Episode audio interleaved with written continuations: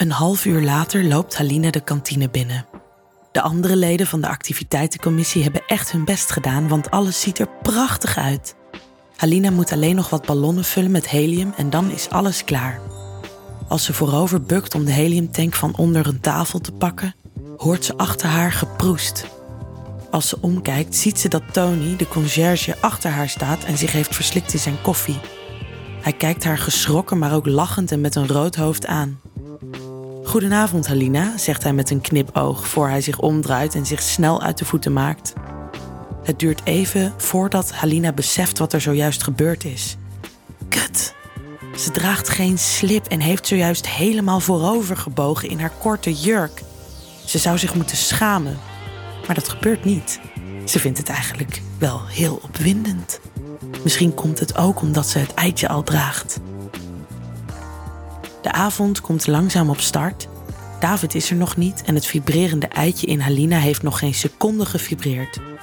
Het is negen uur als Halina in gesprek is met wat collega's en plotseling wordt opgeschrikt door een subtiele trilling van het eitje. Heel zachtjes voelt ze hoe ze van binnen geplaagd wordt. David moet in de buurt zijn. Halina excuseert zich en loopt de gang op. Met elke meter die ze verder van de menigte gaat, begint het ei harder te trillen. Tegen de tijd dat ze bij de toiletten is, is er geen sprake meer van subtiel plagen, maar zijn de vibraties ineens overweldigend. Halina moet even bijkomen, maar ze heeft geen controle over het vibrerende eitje. Dat heeft David.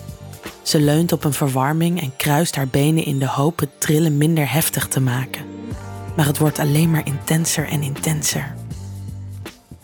Er zit niks anders op dan zichzelf overgeven aan het genot. Ze vecht er niet langer tegen, maar laat het toe. Haar ademhaling versnelt en de huid op haar borst wordt rood. Haar zwarte lange haar kriebelt haar blote rug terwijl ze krioelt van genot. Ze beseft dat ze nog steeds op de gang staat, dus vlucht ze snel het toilet binnen. Het trillende eitje maakt haar wild, maar een orgasme zou ze er niet van krijgen. Dus het verlangen naar David hunkert sterker dan ooit in haar hele lichaam. Er ontsnapt een kreun uit haar mond als een soort smeekbede. En vanuit de gang heeft David hem gehoord. Dit was het teken waar hij op wachtte. Hij treft Halina gebogen over de wastafels aan. Ze wil rechtop gaan staan als ze hem ziet, maar hij drukt haar terug. Terwijl zij gebogen staat, hurkt David achter haar neer. Hij schuift haar jurkje omhoog over haar billen en wordt stijf als hij ziet dat ze geen string draagt. Tussen haar lippen ziet hij de glinstering van haar opwinding.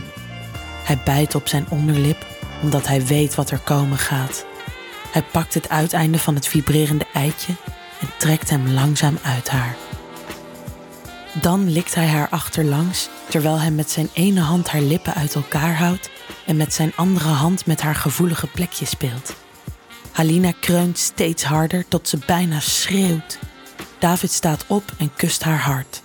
Terwijl hij haar zoent, maakt hij zijn broek los en laat deze zakken op zijn enkels. Soepeler dan verwacht, glijdt zijn stijve bij Haline naar binnen. Ze kreunen tegelijkertijd. Hij legt zijn hand op haar mond, zodat haar gekreun en geschreeuw iets wordt gedempt. Hij wil haar hart nemen, maar voelt al direct dat hij moet oppassen of hij komt direct klaar. Hij heeft zo lang op dit moment gewacht. Hij schuift de bandjes van haar jurk over haar schouders omlaag, waardoor haar borsten uit de jurk tevoorschijn komen. Achterlangs pakt hij haar borsten zachtjes vast en bij elke stoot voelt hij haar tepels tegen zijn handpalmen aanwrijven. Oh fuck, ga door, beveelt Halina hem. De zachte stimulatie van haar tepels in combinatie met zijn harde lul en ritmische stoten brengen haar tot een hoogtepunt. Hij wil nog even doorgaan, maar als hij haar spieren voelt aanspannen om zijn stijve, kan hij zich niet langer inhouden. Met een paar harde stoten komt hij intens klaar. We moeten terug, fluistert Halina. Dus zij en David trekken hun kleding recht. Hij gooit wat koud water in zijn gezicht en zij stift haar lippen opnieuw. Verwilderd, heet en nog steeds geil lopen ze terug naar de zaal met andere collega's. Ze sluiten zich aan bij een groepje aan een tafel. Als ze naast elkaar zitten en het gesprek proberen te volgen, voelt Halina zijn hand op haar bovenbeen. Ze spreidt haar benen en voelt hoe Davids hand langzaam zijn weg vindt naar haar gevoeligste plekje. De zaal is donker en druk en de tafel staat aan de rand. Als ze voorzichtig zijn, hoeft niemand het te zien. Halina is nog zo ontzettend geil dat het haar eerlijk gezegd niet eens uitmaakt. David masseert haar klit langzaam en zachtjes. Halina wil haar ogen sluiten, maar beseft dan dat het opvalt. In plaats daarvan probeert ze nog eens het gesprek aan tafel te volgen, maar de collega's zijn al behoorlijk aangeschoten en hebben gelukkig weinig aandacht voor David en Halina. Dan kijkt ze wat verder in de ruimte. Niemand heeft in de gaten wat ze doen. Tot ze links langs David kijkt en recht in de ogen van Tony staart. Oh, Tony heeft het zeker door. Met een grote geile grijns kijkt hij haar aan. Halina schrikt heel even, maar beseft dan hoe sexy dit eigenlijk is. Ze opent haar benen nog iets meer en fluistert harder in het oor van David. Terwijl hij haar naar een hoogtepunt vingert, houdt zij oogcontact met Tony. Vlak voor ze echt komt, drukt ze haar benen tegen elkaar. Dit kan niet hier, want ze weet dat ze zichzelf niet in bedwang kan houden als ze komt. Kom mee, fluistert David in haar oor. Zonder te protesteren of wat te vragen, staat ze op. Rustig lopen ze de zaal uit. Maar zodra ze uit het zicht zijn, versnelt hun pas. David pakt haar hand en trekt haar mee het kantoor door langs de koffiehoek richting het kopieerhok. Hier hebben we nog wat af te maken.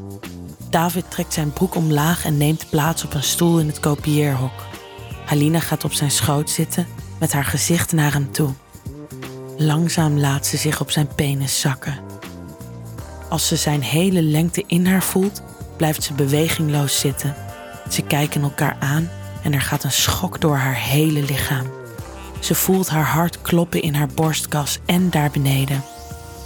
Dan ondersteunt hij haar billen met zijn handen en beweegt haar op en neer.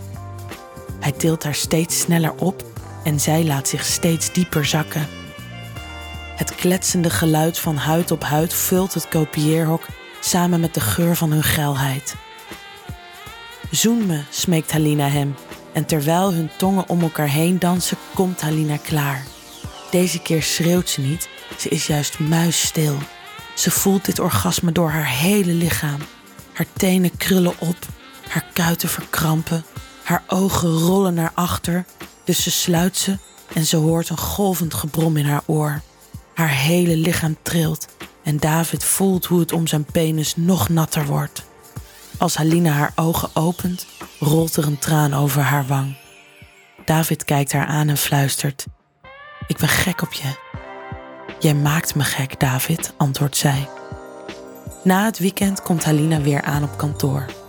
Haar wangen worden rood als ze denkt aan het wilde avontuur van vorige week. Met een ondeugende glimlach neemt ze plaats achter haar bureau en opent haar mail om vervolgens haar koffie letterlijk tegen haar beeldscherm te proesten. Collega's kijken haar verbaasd aan. Het mailtje is van Tony, de conciërge. Het is een foto van het roze vibrerende eitje en de tekst: Gevonden voorwerp. Is dit van jou? Dan kan je het komen halen bij de receptie. Wil jij nou meer spannende verhalen? Luister dan naar Charlie's Avonturen, een podcast van Easy Toys.